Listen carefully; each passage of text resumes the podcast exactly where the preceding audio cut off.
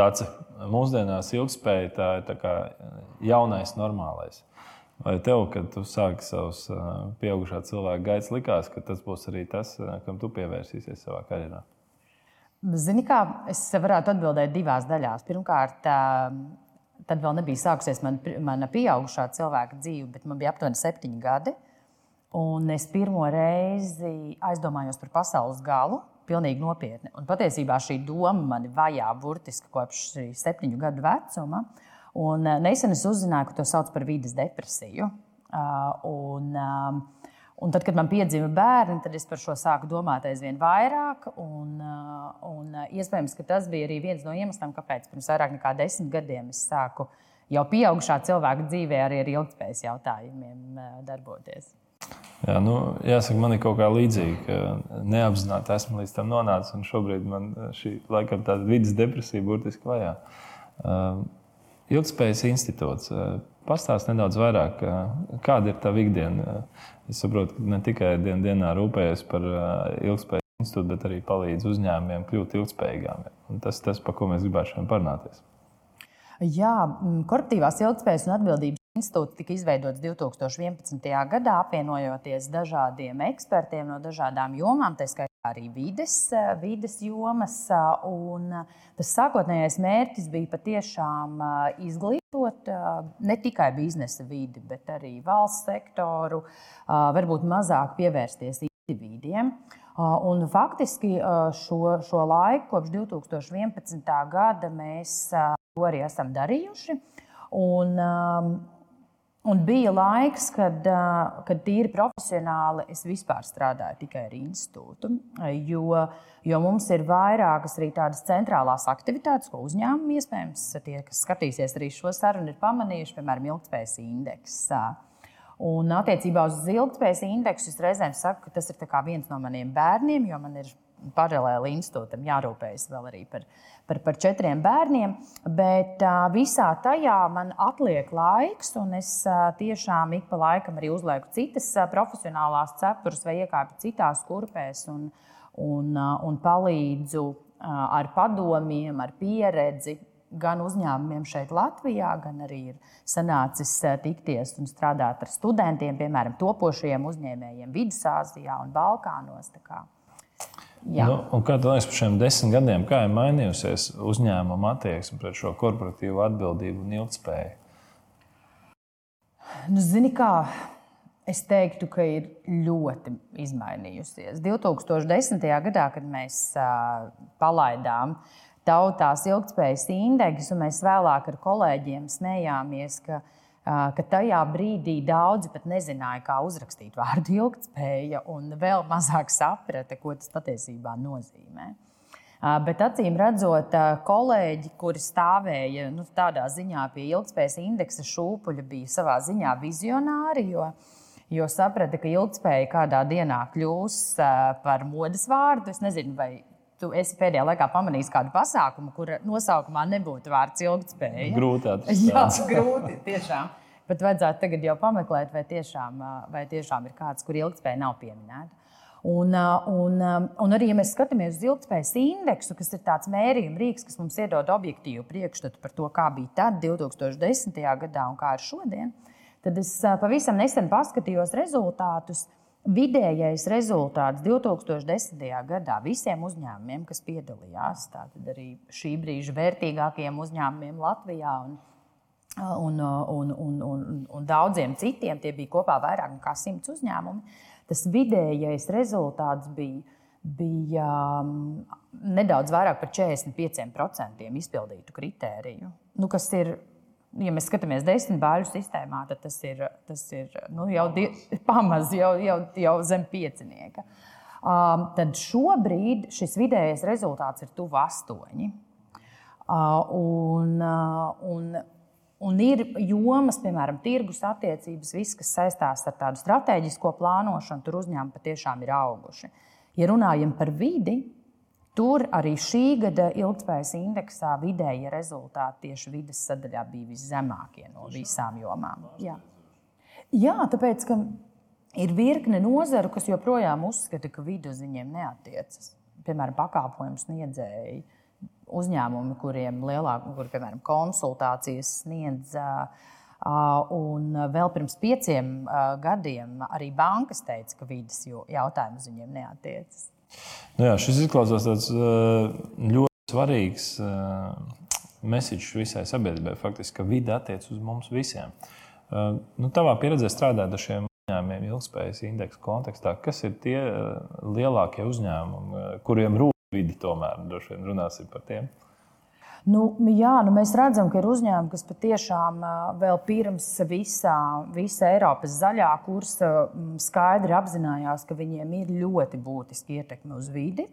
Un, un ar to mērķiecīgi strādāja ne tikai samazinot savu, savu nu, būsim godīgi, negatīvo ietekmi, bet, bet drīzāk vairojot tādu pozitīvo ietekmi, domājot piemēram, par bioloģisko daudzveidību, īstenojot dažādas izglītojošās aktivitātes.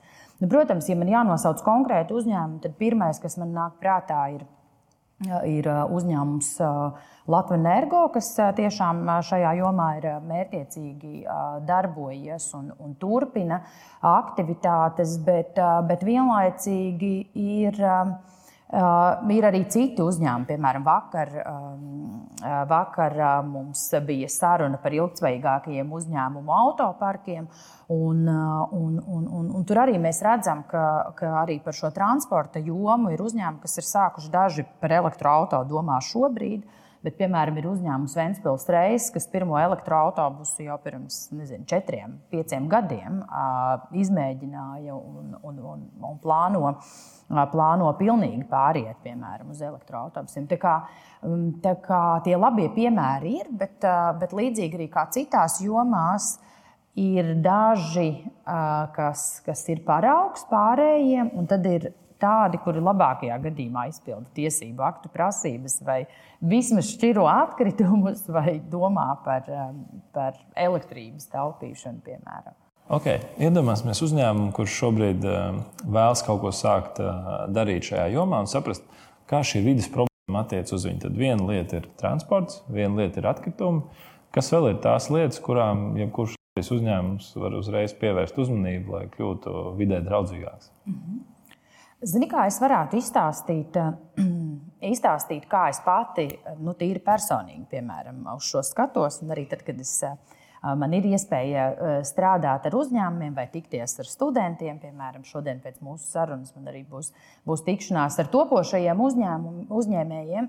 Tad es vienmēr saku, ka ir jāsāk ar to, ko konsultanti un, un, un cilvēki, kas varbūt ir ilgspējas tēmā, līdz, līdz alkoņiem iekšā sauc par būtiskumu analīzi. Bet pavisam vienkārši tas nozīmē saprast, kur vispār ir mana lielākā ietekme. Nu, piemēram, ja es skatos uz savu ģimeni, tad esmu sapratusi, ka man lielākie resursi, lielākais resursu kaut kāds patēriņš ir attiecībā uz pārtiku, degvielu, apģērbu. Un, uh, un es saprotu, ka man ir mērķiecīgi jāstrādā šajā jomā. Elektrību vairāk, vēl vairāk taupīt mēs nevaram. Uh, siltumu nu, droši vien vienmēr var taupīt, bet, bet uh, protams, ir svarīgi arī kaut kāda dzīves kvalitāte. Eh, noturēt. Bet šīs trīs jomas ir tās, kur es varu eh, kaut ko darīt un, eh, un, un, un pie kā es varu strādāt.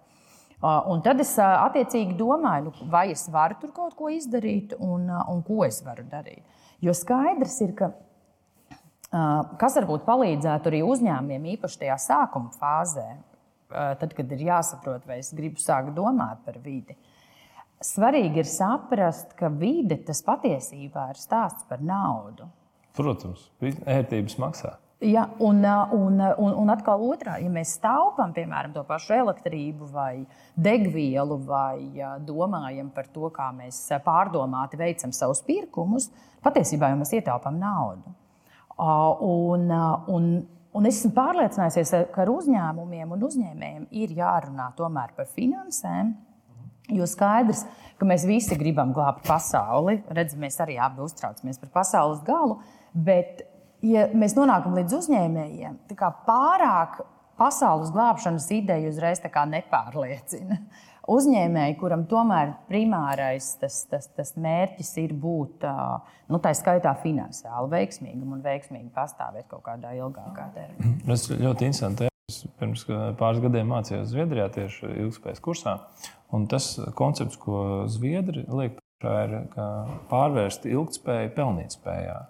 Respektīvi, turn sustainability into profitability, jo principā tu izmanto mazāk degvielas, tad tur ietaupi zinām apjomu līdzekļu. Un, Šajā kontekstā liekas mūsu ekobaltijas pieredze, ka mēs pārgājām no parastajām dīzeļmašīnām uz CNG mašīnām. Un it kā nebūtisks solis, bet pirmkārt, viņas ir tīrākas, otrkārt, tā ir mazāk degviela, un treškārt, arī nu, gāzi nevar nozagt, ja kādam ienāk prātā. Jā, tas ir tas apsvērums, kāpēc es, piemēram, šobrīd izskatu arī elektroautorātu um, opciju. Tieši tā. Uh, tad atgriežoties pie uzņēmumiem, uh, ko darīt uzņēmējiem? Ja viņam gribās kļūt ilgspējīgākam, viņam vienkārši nav ideja pašam. Nu, viņam liekas, ka viņi jau dara visu, kas ir nepieciešams. Ne, protams, vienmēr jau var, var jautāt um, kādam uh, speciālistam no malas, kas palīdz paskatīties uz, uz, uz lietām, varbūt uh, citādāk. Bet es esmu vienmēr pārliecināta, bijusi, ka ļoti daudz ko var izdarīt arī, arī, arī paši. Nu, pirmkārt, jau būtu jāsaprot, tiešām, cik daudz resursus uh, uzņēmums šobrīd tērē un vai ir kaut kādas kritiskās jomas, kur vai, nu, viens ir tērē, vai, piemēram, attiecībā uz atkritumiem tieši otrādi. Varbūt uzņēmums pats ražo. rada vai ražo tieši tā.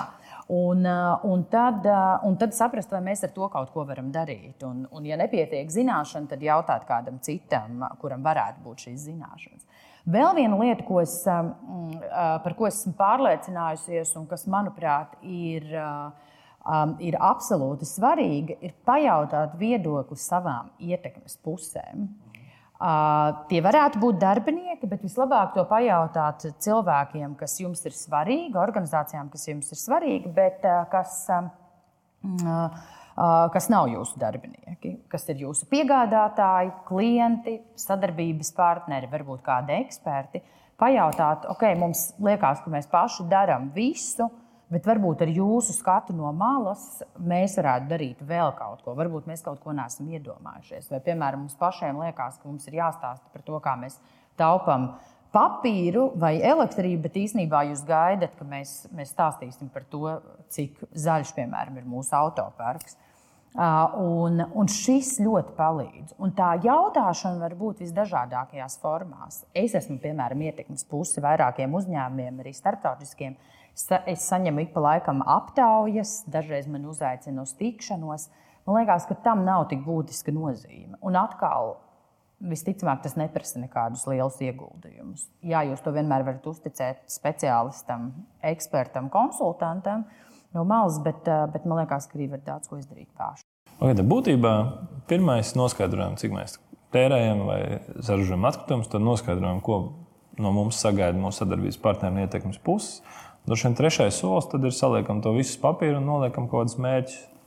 Jā, nu, vispār es esmu pārliecināta, ka tas tiek mērīts, tikai tas tiek izdarīts. Pilnīgi, un, ja pilnīgi tas, atbalstu šo teoriju. Jo, zini, kā, ja tas būs stāsts, ja tu man jautā par, par to, kā bija pirms desmit gadiem, tad uzņēmumi teica, mēs taupīsim papīru vai mēs taupām papīru. Un es jautāju, cik jūs tērējat šobrīd? Nezinām. Nu, kā, kā jūs, kāds ir jūsu mērķis, cik jūs gribat taupīt rīt? Netērēt vispār. Bet, ja mēs nezinām, cik mēs tērējam šobrīd, mēs pat nevaram pateikt, kur mums ir jābūt rīt. Un, un tad, līdzīgi kā Alisē brīnumzemē, nu, tad tu vari arī tā kā tādā nezinu, tumšā istabā vienkārši maldīties kaut kur un darīt visu kaut kādas aktivitātes. Tāpēc uzņēmumi piedalās lielajā telkā. Stāda kokus, taupa papīru, bet, bet jautājums, vai tam ir kaut kāds strateģisks ietvers. Un, jā, es piekrītu, ka mērķi noteikti ir nākamais solis. Un, um, Uh, un izmērām mērķi. Un vēl es ieteiktu, un es vienmēr iesaku, ambiciozi mērķi.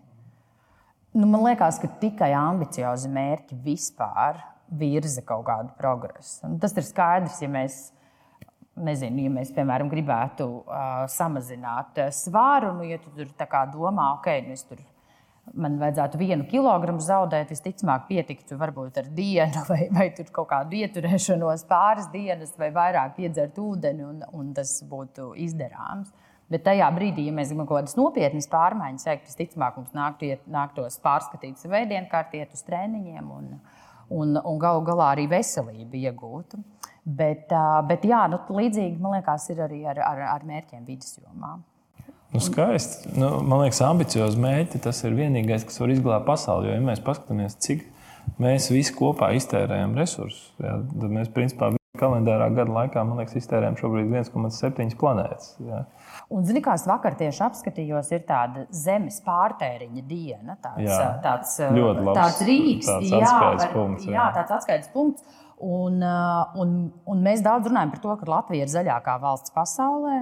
Mēs neesam noteikti zaļākā valsts pasaulē. Protams, tas būtu lieliski, ja tā būtu, bet uh, tā diemžēl nav. Un šie zemes pārtēriņa uh, dati rāda, ka ja visa cilvēks tērētu tikpat, cik, cik mēs Latvijā, tad šī diena pienāktu 6. aprīlī. Un tas ir tikai gada pats sākums.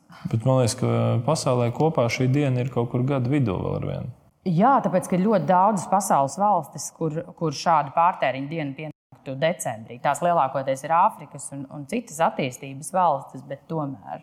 Nu, jāsaka, godīgi, tu man pārsteidz, jo man bija sajūta, ka tomēr mums tā zemes pārtēriņa diena ir kaut kur tuvāk. Bet es tev varu iepriecināt, man liekas, ka Igaunijā tā bija martā līdz ar to. Okay.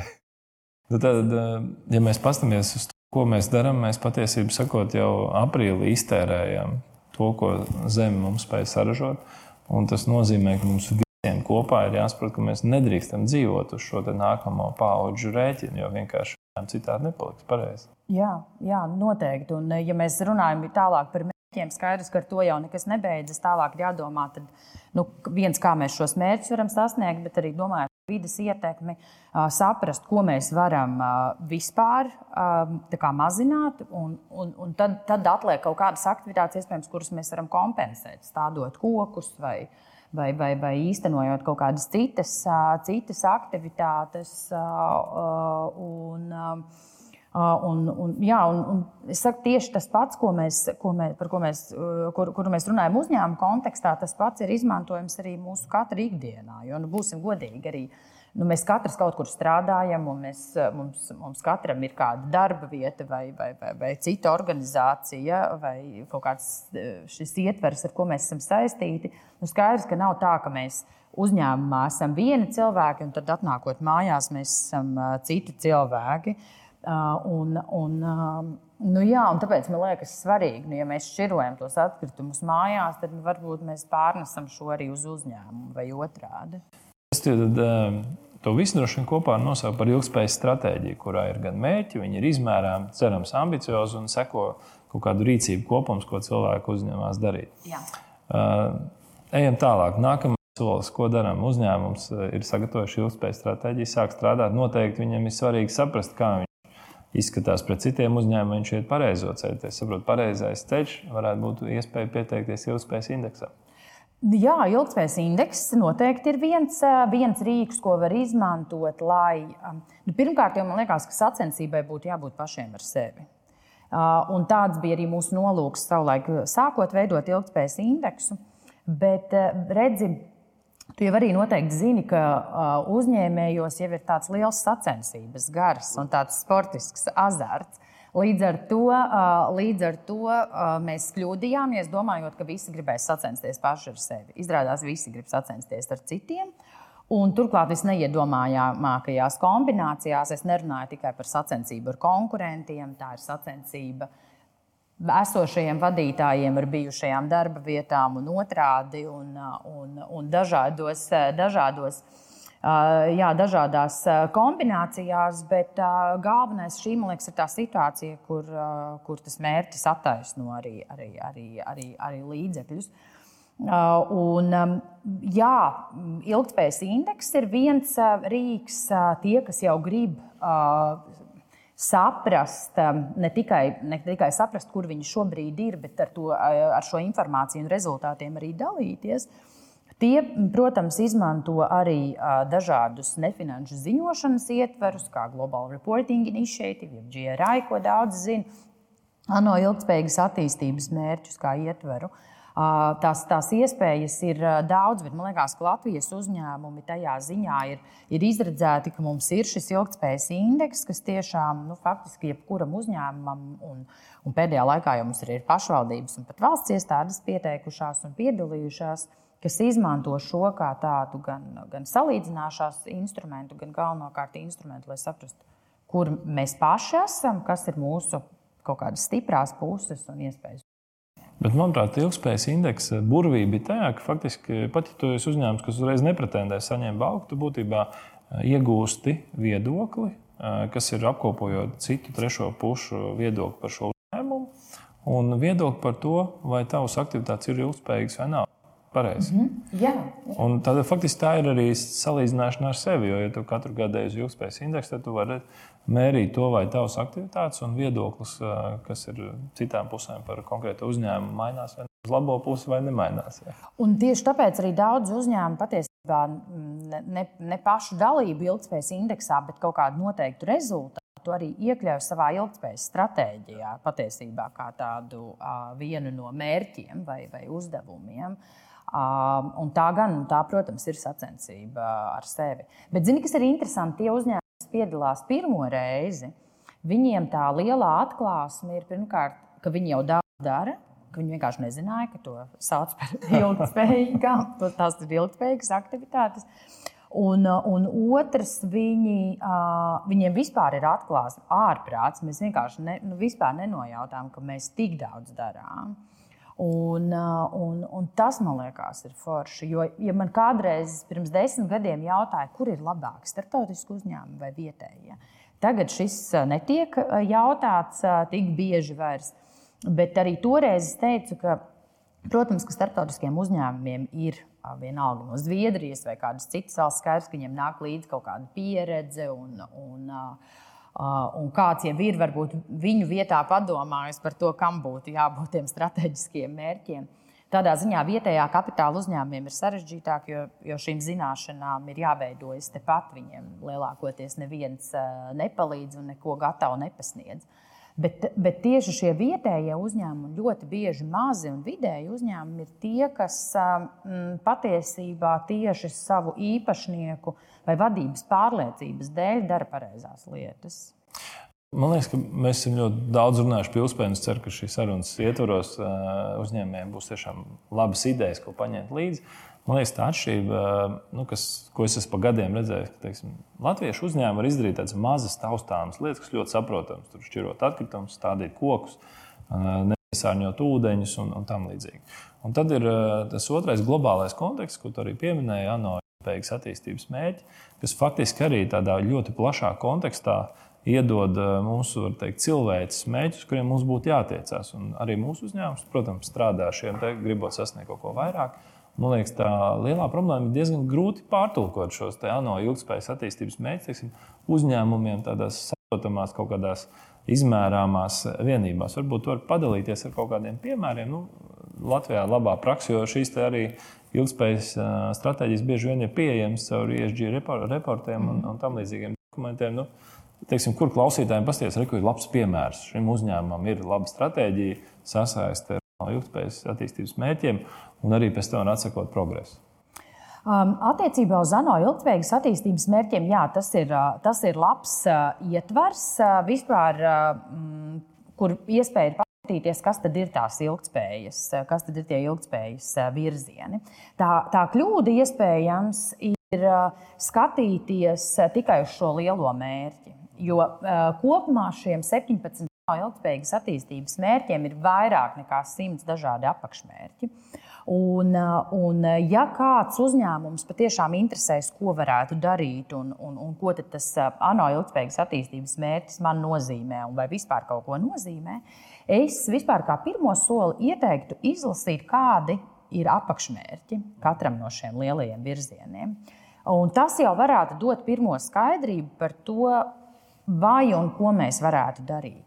Bet atkal, ja uzņēmums veiks šo pirmo soli, ko, ko mēs saucam par būtiskumu analīzi, un sapratīs, kas tad ir tās manas ietekmes jomas, visticamāk, viņš varēs tos savus būtiskos aspektus savilkt ar, ar, ar, šiem, ANO, ar šiem ANO mērķiem un saprast. Ja, piemēram, ja, piemēram, mans būtiskais aspekts, ja mēs atkāpjamies no vidas, piemēram, ir darba drošība, man tas ir ļoti svarīgi svarīgi, nezinu, ir, ir kaut kādas bīstamības darba vidē, vai vienkārši man rūp darbinieku veselība. Un šis ir. Tad visticamāk viņš nonāks līdz tam, ka patiesībā viņš ar savām aktivitātēm sniedz ieguldījumu arī ANO 8. ilgspējīgas attīstības mērķī, kas ir labs darbs un ekonomikas izaugsme, piemēram. Un, un tas palīdzēs, palīdzēs salikt kopā. Jo ANO ilgspējīgas attīstības mērķi, kā es vienmēr saku, tas ir labs. Paši par sevi uh, viņi varbūt nav, nav izmantojami, bet kā tu teici, un, un es to vienmēr iesaku, izmantot šos mērķus, lai pateiktu pārējiem, kuriem nav laika iedziļināties visā mūsu lielajā stratēģijā, kas vispār mums rūp un kas tad ir tie virzieni, kur mēs kā uzņēmums sniedzam savu pienesumu. Jā, nu šī man liekas ir interesanta tendence, jo pastoties uh, citu uzņēmumu šos te, uh, vides ziņojumus, arvien biežāk redzam tieši apakšmērķus, izdalīt, nospraust mērķītus, uz ko uzņēmums tiecās, un, un pēc tam izklāst, kā viņam ir veicies. Un es teiktu, tādu patīkamu sajūtu, ka Latvijas uzņēmumi arvien vairāk izmanto šos te, un arī nesen bija sadalījuma tīkla pasākumā, un arī viņi ir no, nodefinējuši šos mērķus. Man liekas, tā ir tāda laba tendence. Un kā tev šķiet, ja mēs salīdzinām valsts kapitāla sabiedrības, vidēji, privāti, mazus uzņēmumus, kā šī tendence, vai viņi ir tikai lieliem uzņēmumiem redzama, vai arī tomēr vidus, vidus izmēru uzņēmumiem arī tas ir viens aktuālāks jautājums, ar ko sanāk saskarties? Ja atkal varam atgriezties laikā pirms desmit gadiem, privātais sektors tajā brīdī, neskatoties to, ka vidēji rezultāti nebija spoži, tomēr tas sniegums privātajā sektorā bija labāks. Tagad, pēc, jā, mēs ļoti daudz runājām par to, ka valstī ir jārāda piemērs, un, un valsts un pašvaldību kapitāla sabiedrībām būtu jābūt tām, kas, kas kas demonstrē šo, šo labo praksi. Tagad, pēc desmit gadiem, es varu teikt, ka valsts un pašvaldību kapitāla sabiedrības uh, ir, um, ir būtiski uh, uzlabojušas savu sniegumu. Protams, ka to ir ietekmējis arī tiesiskais regulējums, un tādā ziņā valsts, protams, ir tajā, tajā iesaistījusies, piemēram, uh, Salīdzinoši nesen arī Rīgas doma pieņēma lēmumu, ka visām Rīgas pašvaldības kapitāla sabiedrībām ir jāatskaitās arī par savu nefinanšu sniegumu. Un, un dažādi tam līdzīgi soļi ir spērti, kas tagad, nu, kas tagad jau ļauj teikt, ka valsts, īpaši valsts kapitāla sabiedrības patiešām ļoti daudz ko ļoti daudz ko šajā ziņā dara. Bet es joprojām uzskatu, ka valstī ir jārāda piemērs privātiem sektoram, nevis nevis otrādi. Bet savukārt, ja runājam par privāto sektoru, tad um, zini, kā tāpat kā ar cilvēkiem. Mēs ļoti dažādi esam. Uh, un, un, un arī uzņēmumu vidū ir gan ļoti labi piemēri. Lielu uzņēmumu vidū, gan ļoti labi piemēri vidēju un mazu uzņēmumu vidū. Un, Un savukārt ir ļoti daudz arī sliktu piemēru.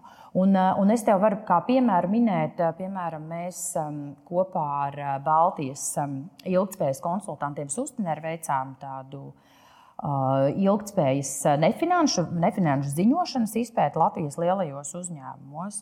Un tas parādīja, ka no top 100 uzņēmumiem ceturtā daļa vispār atskaitās par savu finanšu sniegumu. Tātad tie ir Latvijas lielākie uzņēmumi pēc apgrozījuma un pēc darbinieku skaita. Bet es domāju, šis noteikti mainīsies. Tad nesen arī viesojās Ieva Tetera. Esmu bijis vairākās konferencēs, kur arvien biežāk runā par to, ka arī teiksim, uzņēmumam aiziet uz kapitāla tirgu un vēloties piesaistīt, vai tās būtu obligācija finansējums vai jaunu akciju emisijas, tomēr investori izvērtē, vai šis uzņēmums ir sociāli atbildīgs, tā skaitā arī ilgspējīgs, un vai viņam ir šie nefinanšu ziņojumi un kāds ir progress. Kā, man liekas, tas ir viens no tādiem iegūmiem, ka mēs ļoti drīz redzēsim nu, taustāms seks vai teiksim, kapitāla izmaksas būs par pāris procentiem lētākas vai nebūs. Vai ne? Nu jā, jo, jo tu jau šo pieminēji, bet tiešām mēs pirms desmit gadiem par to runājām tagad tas ir nu, ieguvis vispār vēl jaunu, jaunu tādu apveidu, ka uzņēmuma nefinanšu sniegumam vai, vai šiem nefinanšu rādītājiem ir daudz lielāks svars uzņēmuma vērtībā nekā finanšu rādītājiem. Un, un patiešām investori saka un apgalvo, ka viņi uz šo skatās, jo klimata, klimata riski šobrīd tiek vērtēti kā būtiskākie pasaulē, tāpēc ka tie nes līdzi ārkārtīgi daudz citu uh, lietu. Un, ja mēs runājam šodien par vidi, ja kādam liekas, ka nu, kāpēc vispār par klimatu pārmaiņām runāt Latvijā, līdzīgi kā ar daudzām citām lietām, var likties, ka tas jau neeksistē un ka izdomājuši zinātnieki, vai, vai līdzīgi kā man savulaik politikas studijās mācīja, kādam tas noteikti ir izdevīgi. Tad, tad attiecībā uz klimata pārmaiņām jāsaka tieši tā iespēja, piemēram, darboties Vidusāzijā vai kādos citos pasaules reģionos, palīdz saprast, ka tas ir ārkārtīgi aktuāli. Un, piemēram, cilvēki Kazahstānā vai, vai citās šajās valstīs jau šobrīd cīnās piemēram, ar dzeramā ūdens trūkumu. Un mēs varam, un mēs vienkārši ūdeni nenovērtējam, es varu diezgan droši teikt, vispār nenovērtējam, tāpēc, tāpēc ka tas mums ir brīvi pieejams. Uh, nu jā, mēs nesaprotam, ka patiesībā klimata pārmaiņas mūsu skar, lai arī mums liekas, ka varbūt mēs vienkārši varēsim dzīvot kā Spānijā vai, vai, vai Vidusjūrā. Vidusjūras reģionā pēc kāda laika ir jāsaprot, ka tur, kur šī, šīs klimata pārmaiņas jau ir reālas šajā brīdī, kur notiek dabas katastrofas vai trūkst pārtikas, cilvēki, piemēram, migrācija, ir, ir, ir bēgļu kustība, kas ir tieši saistīta ar, ar, ar, ar, ar, ar šiem jautājumiem. Tas kaut kādā brīdī ietekmē arī mūs, līdz ar to mēs nevaram to ignorēt. Es pieminēju ļoti tādu uh, konkrētu lietu, ūdens, jā, kas arī no ilgspējas mērķos ūdens arī tiek pieminēts. Jā. Un, kas ir interesanti, nesen es lasīju rakstu par Eiropas Savienības valsti Kipru, kurā bija reģions, kurā šobrīd ciematam nav ūdens. Dēļ tā, ka ļoti sauss klimats, nav šo ūdens krājumu, un faktiski ar elektrību uzpumpēt kaut kur kalnos ūdeni maksā ļoti dārgi. Es domāju, tas nemaz vairs tik tālu nav. Un pareizi tu saki attiecībā uz šo migrāciju, jo ja cilvēkam nebūs tāda resursa kā pārtiks vai ūdens, tad mēs noteikti agrāk vai vēlāk šeit sajutīsim arī imigrantu pieplūdumu, jo viņiem vienkārši liksies šeit fantastiska zeme. Tas viss ir. Jā. Jā. Um, Atgriežoties pie ilgspējas indeksa vēl nedaudz, kāda liekas, kas ir vēl tie ieguvumi, ko uzņēmums iegūst, kļūstot par šī ilgspējas indeksa dalībnieku? Nu, zini, kā es, es droši vien varētu teikt, varbūt pašu uzņēmumu dalībnieku vārdiem. Tas, tas galvenais ir pirmkārt iespēja uzdot sev jautājumu, vai mēs darām to, kas ekspertiem ir liekas tādi būtiski aspekti vai kritēriji ilgspējas kontekstā. Ja mēs nedarām, kāpēc mēs to nedarām un kā mēs, vai, nu, varbūt mēs varētu tomēr šo, šo darīt. Es nerunāju par atkritumu šķirošanu vai elektrības taupīšanu, kas arī ir, kas arī ir kritēriji, bet, bet, bet nu, vienlaicīgi mums ir jādara mm, daudzi citi. Kā man liekas, ka tas ir tas pirmais iegūms, pajautāt sev. Otrkārt, tiešām apkopot visu šo, mm, šo informāciju, jo, kā jau teicu, tur var būt ļoti daudz pārsteigumi. Par to, ko mēs vispār darām, varbūt uh, izrādīsies, ja efektivitātei arī ļoti būtiska loma ilgspējā. Tad var izrādīties, ka varbūt citi kolēģi dara tieši tās pašas lietas, ko darām mēs. Un, un var izrādīties, ka beigās neviens nedara kaut ko, kas ir patiešām svarīgs. Um, un, um, un tikai tad nāktu uh, tā publiskā atzinība, kas arī ir. Um, kas arī nav mazsvarīga. Un, zini, man ir jāatzīst, ka ir viena lieta, kur varbūt es esmu uh, mainījusi savu attieksmi. Pirms desmit gadiem man likās, ka nav jārunā par, uh, par ilgspējas lietām. Nu, līdzīgi kā ar labdarību. Tu vienkārši dari, un, un, uh, un tad, lai, lai tie darbi runā kaut kā paši par sevi. Bet pēdējos gados es uzņēmumiem saku, ka viņiem tomēr ir jādalās ar šiem ilgspējas centieniem. Varbūt arī ilgspējas indeks ir viens rīks vai savā ziņā kanāls, kā, caur ko to darīt. Bet dalīties tāpēc, ka pirmkārt mēs stāstot, varam iedrošināt citus. Tieši tas ir arī šī pasākuma mērķis. Jā, vienā, jā tāpēc, ka, zini, kā bieži uzņēmumi, es negribētu vilkt paralēlus ar citām šobrīd aktuālām tēmām, bet man liekas, ka stāstot to savu pieredzi, nu, patiesībā ir, ir Britiem, mums britu kolēģiem, ar ko mēs pirms desmit gadiem arī daudz dalījāmies pieredzē, un, un, un viņi sekoja mūsu aktivitātēm līdzi. Mēs viņiem, viņiem ir tāda iniciatīva, seeing is believing. Ja tu ieraugi, tu vari noticēt uh, tam. Un tāpēc, gan īstenojot mūsu dažādos pasākumus, pasākumus, gan arī, arī runājot ar uzņēmumiem, es vienmēr cenšos mazāk to ekspertu daļu iekļaut un vairāk tiešām um, dažādu uzņēmumu stāstu, tā skaitā arī jūs. Bet, bet man, man liekas, ka tas ir tas, kas patiešām strādā.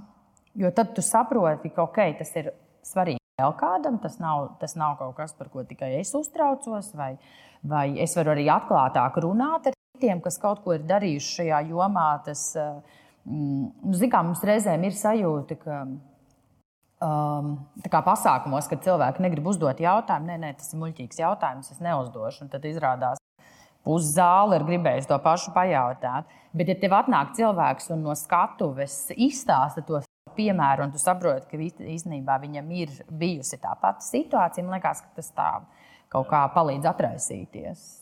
Nu tad, eh, rezumējot šo lielisko rītu sarunu, man liekas, ka tas, uz ko mums jāaicina eh, kopistiski visi Latvijas uzņēmumi, pirmkārt, eh, saprast, kur jūs esat. Jā, tā noteikti ir. Nospraust mērķus, kur jūs gribat doties. Ambiciozus mērķus. Ambiciozus mērķus. Izstrādāt plānu, kā mēs tur dosimies. Un galu galā, protams, nepakautrēties, pieteikties ilgspējas indeksā, lai paskatītos, kā mums sokās pret citiem uzņēmumiem. Un, protams, arī ilgtermiņā mērīt savu progresu, novērtējot ekspertu viedokli par sasniegto. Jā, es eh, pievienojos. Es tikai gribētu teikt, ka vēl, vēl varētu papildināt, lai, lai uzņēmumi un, un katrs, kas īsteno kaut kādas pozitīvas pārmaiņas, ar to arī dalītos. Es tev pilnībā piekrītu. Paldies! Tev. Paldies!